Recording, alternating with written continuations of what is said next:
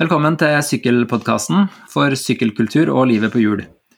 Sykkelpodkasten tar for seg ulike tema som jeg håper er interessant for deg som er interessert i sykkel, sykling og kanskje òg byutvikling og klima. Og da er det jo veldig naturlig å ha med Syklistenes Landsforening, eller eh, Syklistforeningen, som jo har som formål å fremme sykling i Norge og sykkel som transportmiddel. Og Det står også i vedtektene at økt sykling har positive effekter for folkehelse, miljø og trafikkavvikling, og bidrar til utvikling av mer tilgjengelige, attraktive og tryggere byrom for alle aldersgrupper. Høres jo kjempebra ut. Så vi har med eh, leder i Syklistforeningen, Morgan Andersson, velkommen. Takk for det. takk for det.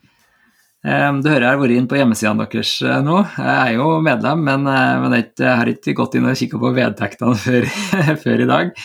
Men det står jo at eh, Syklistenes Landsforening ble stifta i 1947. Med, nå vet jeg ikke om det formålet har vært formulert akkurat sånn hele tida, men, men, sånn i grove trekk, hvordan, hvordan går det egentlig med, med det formålet? Eller liksom, hvor er vi? Ja, det, det, er et godt spørsmål. Og formålet det har nok uh, i stor grad vært det samme hele veien i snart 75 år.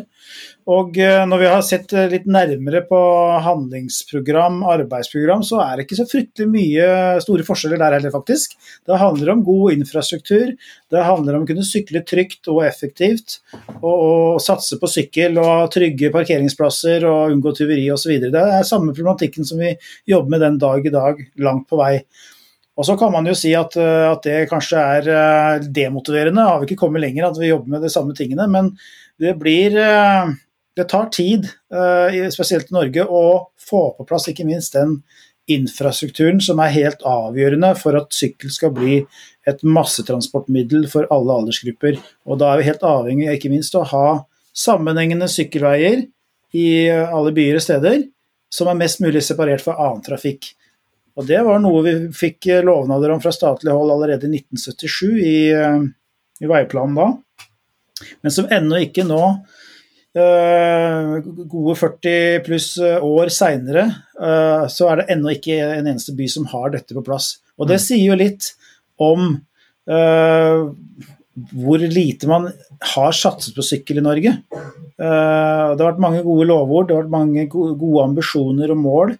Men det har ikke blitt fulgt opp i praksis med eh, virkemidler, og ikke minst med nok eh, tilstrekkelig med midler. Mm. Dessverre.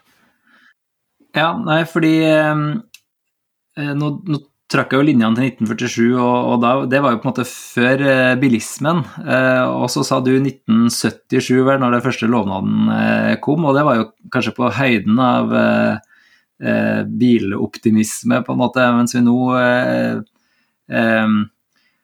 kanskje som samfunn er litt mer positiv til sykkel og, og ser hva slags uh, negative ringvirkninger bilen har, men, uh, men uh, kanskje, det finnes jo en god del sykkelveier. og Hva det, hva er det som mangler for at dette skal være det du snakker om, da, som er sammenhengende, og sykkelinfrastruktur? Mm. Jeg, jo, jeg, er jo enig i at 70-tallet det var et eh, bilismens tiår. Det begynte jo på 60-tallet. Og, og, da skjøt Før den tid så var jo sykkel eh, det folk flest brukte. Før bilen kom, på spesielt da 60-tallet. Uh, og da ble sykkelen nesten utkonkurrert i løpet av tiår. Og, og ulykkestallene fløy i været. Det var vanvittig mange skadde og drepte i trafikken på 70-tallet. Og det var noe av bakgrunnen også for at Og det var mange myke trafikanter og mange unge som ble, drept i trafikken. Og Det var også noe bakgrunnen for at man så nødvendigheten av å satse mer på sykkel, og fikk det i hvert fall inn i, i nasjonale planer, eh, selv om det ikke ble gjennomført eh, slik det burde.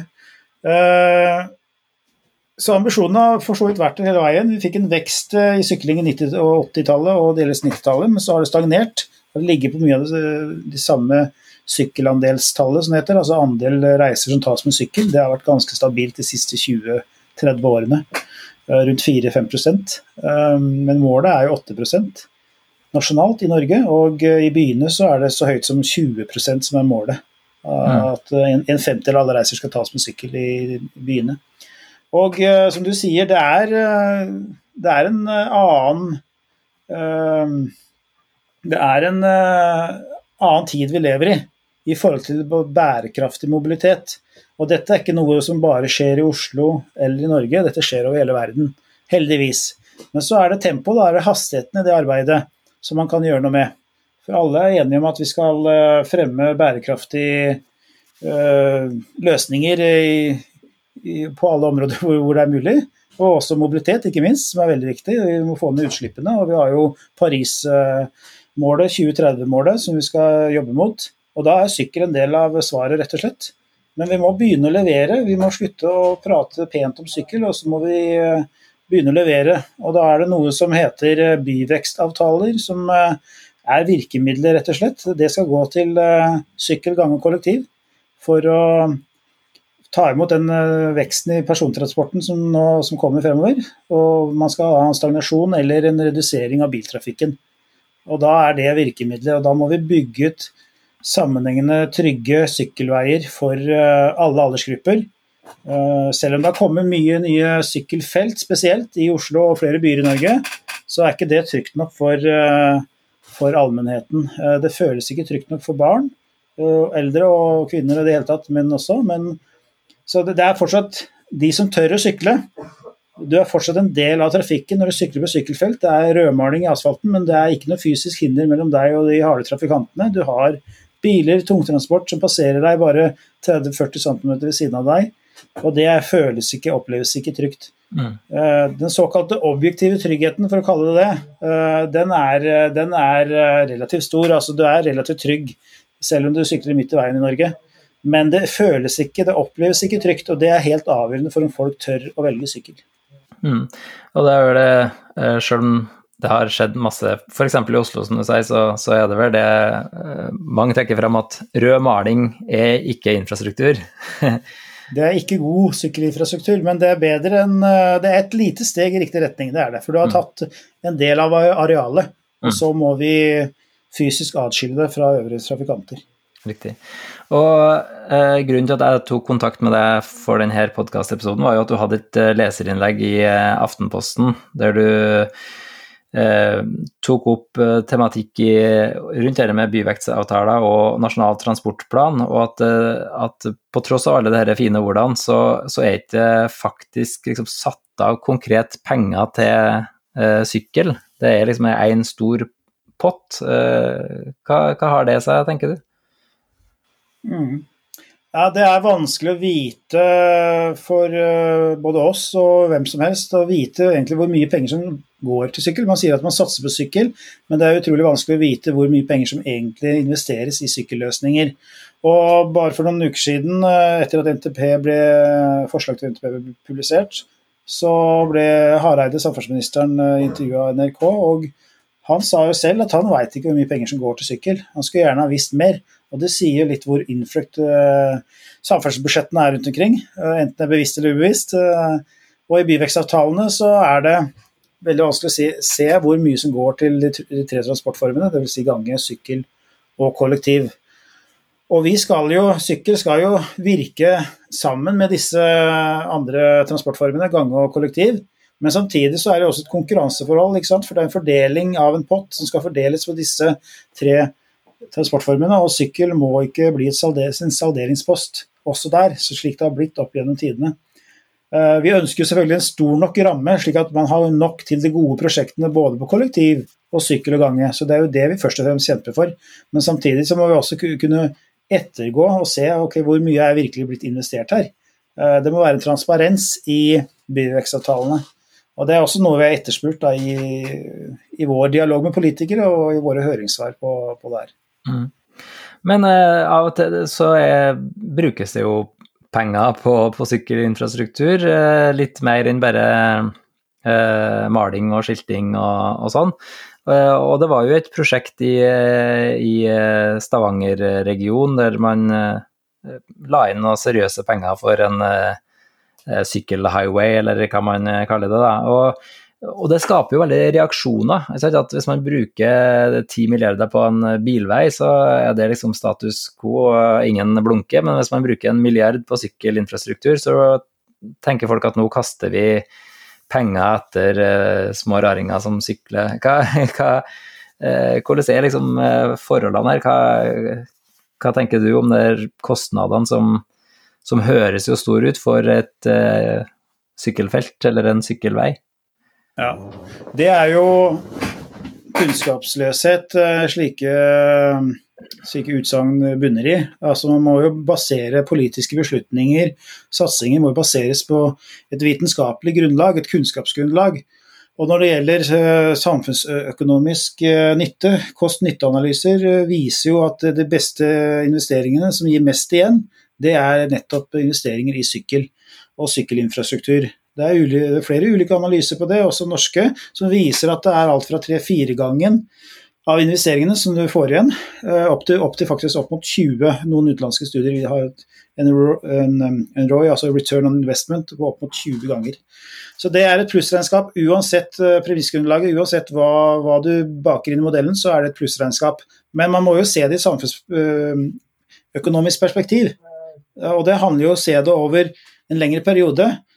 Verdens helseorganisasjon de gjorde en metastudie hvor de gikk gjennom nær 350 studier 1,4 milliarder mennesker står i fare for, for tidlig død pga. livsstilssykdommer som eh, helse- karlidelser, visse kreftformer, diabetes 2. Den eneste, the prime solution, som de sier, det er mer aktiv transport i hverdagen. Mer sykkel og gange. Og den store gevinsten i forhold til uh, samfunnsøkonomiske nytten, det er over helsebudsjettene. Det er vanvittig store besparelser som kan gjøres hvis man legger til rette for at folk kan være mer aktive i hverdagen, bruke sykkel mer i hverdagen. Mm. Men er det noe som uh, synliggjøres i, i, NTP, da? Altså koblinga mellom transport og, og, helse?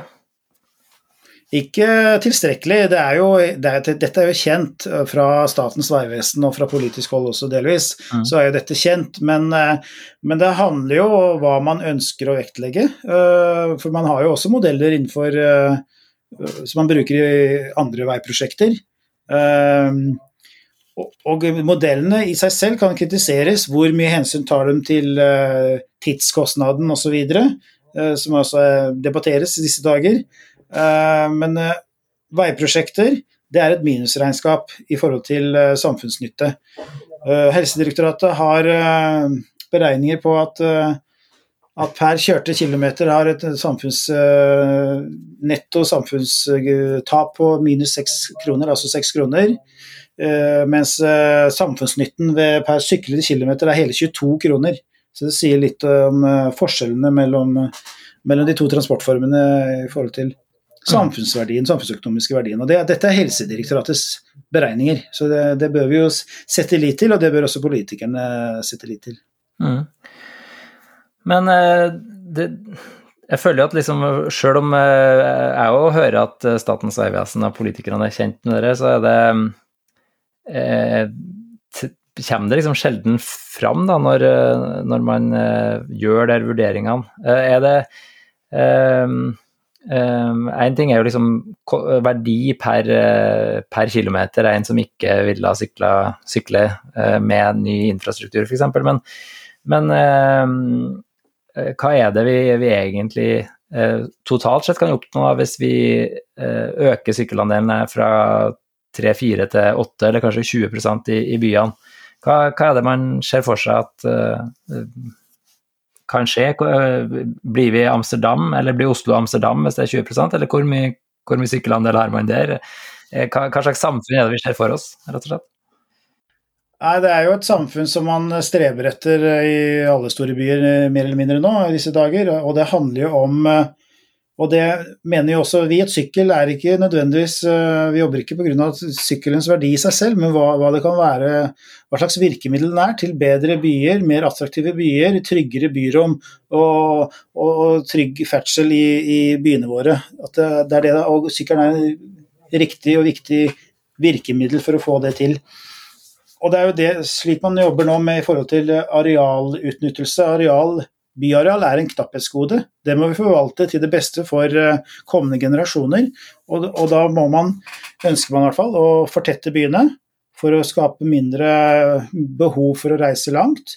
Eh, I Paris eh, så har vi borgermesteren der, Anne Hidalgo, som kjører hardt på 15-minuttersbyen. Vi skal kunne nå alt vi trenger i en vanlig hverdag i løpet av 15 minutter, enten det er arbeid, skole, handel, hva det måtte være. ved bruk av gange, sykkel, kollektiv. Det er det målet hun jobber etter. Og det, og det er klart at det har store klimagevinster. Det har også store helsegevinster, fordi vi da er mer aktive i hverdagen uten at det trenger å være uforholdsmessig lange avstander. Mm. Så må, da, Det handler om byplanlegging, selvfølgelig. Hvordan får vi det til? og Det er det, slik man jobber nå i, i Paris. og Det er verdt å, å, ta med seg og ta et blikk til Paris og få inspirasjon derfra. For Det er noe som blir tatt veldig godt imot. og Hvis vi ser bildet bare for få år tilbake, hvor veier langs Seine i Paris med bilkø, kilometer eh, lang bilkø, er nå erstatta med myke trafikanter gående, syklende langs elvebredden. Eh, og Det sier jo litt om den kvaliteten vi er ute etter i byene våre. Hva vi ønsker at byene skal være, og hva vi ønsker å oppleve i byene våre. Og Det tror jeg publikum eh, er enig i, men de må bare se det. Og så må det komme ut av en forestilling om at bilen er eh, livsnødvendig til enhver tid. At den er en del av vår identitet, og at det er et frihetsredskap, slik den ble solgt inn for 40-50 år siden. Mm. Eh, nå er det jo få av oss som er forunt å ha sett eh, Paris i det siste. eh, men, men, det har vel kommet altså veldig, veldig, mye av det du snakker om i Paris, har vel skjedd i de siste veldig få årene, og en god del òg under koronapandemien. Eh, er det noe sånn momentum vi kan ta med oss eh, på det som foregår av det som har skjedd av satsing under koronapandemien, som vi kan lære av? Absolutt. Pandemien, til tross for all, alt det negative som vi forbinder selvfølgelig med pandemien, så er det noe av verdi å hente ut fra det. Vi er i en omstillingsfase, vi er mentalt forberedt på omstilling. Og det kunne vi også brukt i forhold til mobilitet, hvordan vi ferdes, reisevanene våre. Og det ser vi også egentlig av nødvendighet nå. Flere velger sykkel fordi vi ikke skal bruke kollektiv. Flere har hjemmekontor. Eh, og dette er reisevaner som man forventer vil ha eh, vil endres på lang sikt også. Så det blir spennende å se som skjer, hva som skjer nå når samfunnet skal normaliseres. Uh, om vi går tilbake til der vi var før pandemien brøt ut, eller om, om, det er noen varige endringer også i reisemønsteret vårt. Det er jo studier som viser at vi kommer til å bruke mindre kollektiv også for, selvfølgelig fordi vi jobber mer hjemme, men også fordi vi, vi vil ha en, eh, en, del av oss vil ha en viss uh, angstfrykt, selv om vi har et normalisert samfunn uh, for smitte. Så sykkel har jo vist seg uh, å være vi kjenner jo til helsemessige gevinster, miljømessige gevinster osv., men under pandemien så har vi også sett at sykkel er viktig i beredskapssammenheng. Den har jo sikra smittefri transport for bybeboerne og for nøkkelpersonell som skal til sykehus eller hva det måtte være.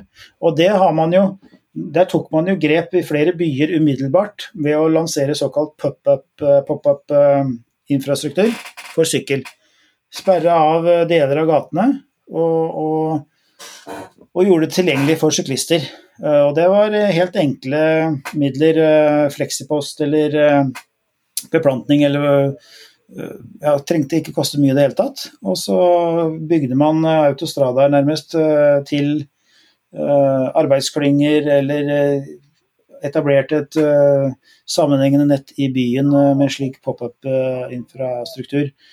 Og det, Da var det jo lite biltrafikk. Pga. det var det enkelt, men det var også en omstillingsevne i befolkningen rundt om i verden som forsto ja, hvorfor vi gjorde det og var med på det. Det var lite, lite motstand.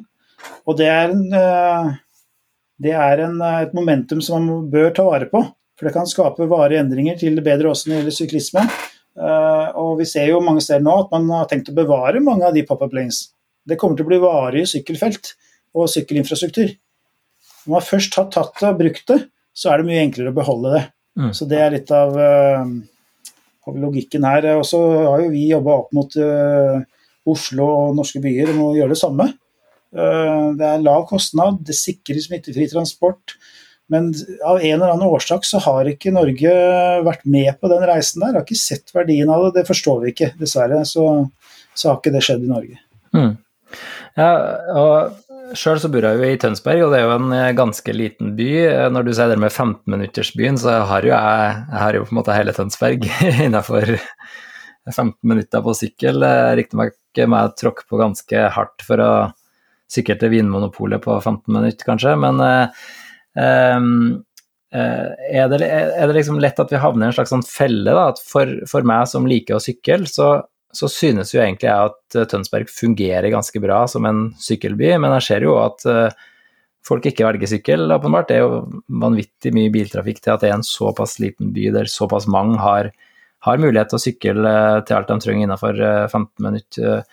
Og samtidig så ser vi at når det er spørsmål om å fjerne en parkeringsplass eller noe sånt, så er det folk er harnisk. Er det bare at de trenger å ta en tur til Paris, liksom, eller er det eller hva, hva, er som, eh, hva, er det som, hindrer oss i den mer sånn mentale overgangen? Ja, altså skal ha respekt i forhold til behov og vaner osv. Men, det, men det, er, det er mye vanens makt her, helt sikkert. For det er mange som kan uten for mye bry bytte ut mange av turene sine med sykkel. 50% av turene våre er under 5 km, og veldig, svært mange av de kunne blitt byttet ut med sykkel. Og så ser vi jo at det handler jo kanskje til viss grad om komfort også, men nå har vi jo fått elsykkel som senker den terskelen veldig. Så min anbefaling til mange av de som lurer på om de skulle ha testa ut en sykkeltur og bytta ut en tur eh, i løpet av uka med altså en biltur med en sykkeltur på vei til jobb eller hva det måtte være, prøv en, prøv en elsykkeltur. For, for mange da får en wow-effekt. Og det er rett og slett gøy å sykle, og du trenger ikke å bli svett. Du får den hjelpa du ønsker, oppoverbakkene spesielt, så det er en helt annen verden hvis, hvis det er komfort og, som er eh, på en måte avgjørende. Man snakker om at man har en eh, smertegrense for uh, vanlige syklene på 7-8 km. Men med elsykkelen så er den smertegrensa blitt dobla. Da snakker man om at 15-16 km, at det er det som er smertegrensa. Så man øker aksjonsradiusen sin, det er eh, motiverende, det er mer eh, morsomt å sykle. Og, det, og studier fra TØI viser jo at de som har elsykkel, de sykler oftere og de sykler lenger. Også ikke minst så har man fått flere nye grupper opp på sykkelen. Mange flere eldre som sykler nå pga. elsykkelen.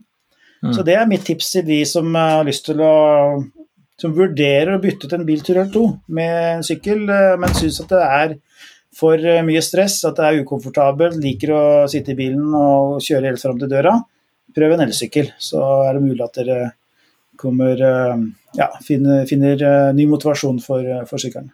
Mm. Nå er det klart at uh, Sykkelpodkastens uh, lyttere de, de, representerer jo ikke den gruppa som er som jeg viste, og som er i harnisk og som er fjernet en parkeringsplass, det kan jeg se for meg. Uh, men men hvis man er opptatt av sykkel og synes at satsing på sykkelinfrastruktur er, er av det gode, da, så, så, kan man jo likevel bli sånn svar skyldig når det kommer motforestillinger, f.eks. eller med at uh, ja, hva, hva, skjer med handel i byen og, og sånne ting hvis, hvis man reduserer biltrafikken, da. Og, men der finnes det vel òg noen mer sånn forskning og statistikk eh, på det. Jeg har sett f.eks. at noen skylder på sykkelsatsinga i Oslo for at det går litt trått på Karl Johan, men jeg vil jo tro at akkurat nå er det pandemien som har mer av betydning enn enn syklinga. Men, men hva, hva, sier vi til folk som er redd for at eh, butikkene legges ned i, i byen hvis vi sykler? Nei, Studier viser jo at eh, det blir ikke mindre handel det blir, eh, mange steder så blir det økt handel. Det legger inn mer penger. Men det, at det kan være visse justeringer i forhold til type handel, det kan nok være. Det er ikke like enkelt å, å kjøpe store møbler eh, i, i bysentra eh, med, med, å ta med seg hjem på sykkelen, selvfølgelig. Men vi må jo være villige til å også modernisere samfunnet der. Det finnes nye løsninger uavhengig av sykkelen for hvordan man skal shoppe. Mer og mer går over nettet. Eh, det går an å ha showroom, men at, eh, at man har terminaler for uthenting av eh, større møbler og den, den type handel. Så er, her finnes det løsninger. Vi ønsker jo ikke, ønsker jo ikke nødvendigvis å være med på, på å bygge opp storsentre på utsiden av byen heller. Så det er jo balansegang her. Men Men det er nok av ulike handelsformer som lever godt i, i et sykkelvennlig samfunn. Det er uten mm. tvil, og de, alle studier vi har sett, de bygger, bygger opp om det. Så det er, det er nok litt, litt forutinntatthet fra visse interesser. Eh, også Endring kommer aller enkelt. Det er alltid motstand til endring. Også her så ser vi jo det. Og det er klart at det er noen interesser kan få det tøffere, men de fleste får det helt greit, og mange får det bedre. Mm. Ja, det er klart liksom eh, Bykjernene i de fleste byene er jo ikke drevet av eh, vaskemaskin og sofahandling heller, i, i midt i kjernen, liksom. Så det, det, er jo kanskje annen type handel man man først og fremst uh, driver på med. Da. Og så er det som du sier, det er ganske mange andre trender i, uh, i uh, samfunnet som, som ja, drar i ulike retninger når det kommer til handel og, nett og levering og, og, alt sånt. Da, selvfølgelig. Ja, jeg var nylig på besøk i Fredrikstad og tok en sykkeltur med ordføreren der et par dager siden. Han nevnte at næringsforeningen der de hadde Istedenfor å hoppsi, gå høyt ut med noe som helst, så hadde de tatt eh, en undersøkelse på før og etter. Eh, eh, og fant ut at det var flere, når man la om til mer sykkelvennlig handel, så var det flere kunder faktisk innom. Og det igjen så handler det også om arealdisponering. Det er plass til færre biler på gatene, og også utsiden av butikkene mange steder, enn det er sykler. Eh, og når du nevnte i sted i forhold til bilparkeringsplasser, så må man jo huske på at eh, biler står i ro 90% av tiden, og da tar de bare plass. Verdifull plass som kan eh, omdisponeres på en helt annen måte til det beste for befolkningen. Og så er det verdt å tenke også på at det er mulig å kombinere interesser her. Selv om vi ønsker å få ned reduksjonen på bilbruken, så er det klart at noen er helt avhengig av det. Men hvis man tenker at man kan uh, um, ha ulike løp for ulike transportmidler, det er ett eksempel. og Det har man mye av i Amsterdam f.eks. Uh, biler får lov til å kjøre visse løp, og så har man parallelle løp for myke trafikanter. I Barcelona har man såkalte superblocks, hvor man uh, kan kjøre rundt store kvartaler, men inni så er det bare myke trafikanter gående, syklende og til en viss grad varetrafikk. Mm. Så det er mange løsninger på det som, som vil fungere. altså. Mm. Ja, jeg tror jo veldig ofte så skaper man et inntrykk av at det liksom er enten, enten eller. Eh, enten bil eller, eh, eller sykkel i, i hele, hele, byen. Eh, men, eh, men, ja, jeg, jeg, gleder meg i hvert fall til å se litt, eh, litt mer sykkelinfrastruktur både i, i, Tønsberg og i mange andre byer. Lurer på om vi skal gå inn for landing på det her temaet nå, men, men en av de første gjestene jeg hadde i i sykkelpodkasten var jo Hulda Tronstad, som jobber i Elbilforeningen med, med elsykkel, men hun har jo òg jobba i Syklistenes Landsforening før. Og, og i fjor da, så snakka vi om uh, sykkelferie uh, med Eller sommerferie med sykkel, da.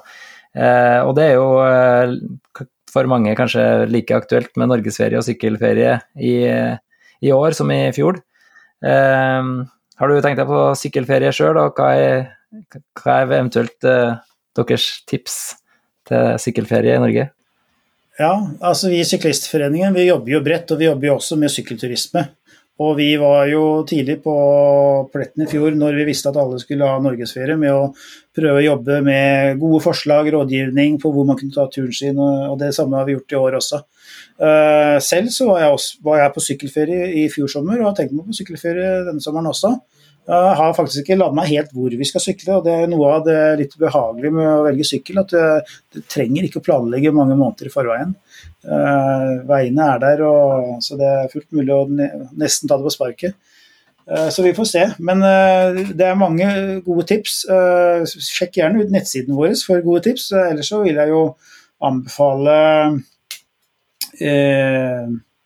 mjølk... Nå holdt jeg på å si feil, feil navn her, tror jeg. men Eh, Mjølkeruta er det det heter, det var den jeg sykla i fjor i sommer i hvert fall. Som går fra Vinstra til Gol over Jotunheimen. Det er en uh, flott tur. Så det er ett tips. Så har vi jo selvfølgelig kjente ruter som Rallaveien og, og uh, Tour de Dovre, er en rute som heter. Den kan dere søke opp på nettet. Og så har vi uh, pilegrimsruta som går, fra, går, helt fra Spania faktisk til Nidaros, men den norske delen er da fra Halden, Svinesund til Nidaros. Og så har vi villmarksruta som går fra Halden til Trysil, langs svenskegrensa gjennom Finnskogen. Og, så her er det nok av ruter å velge mellom.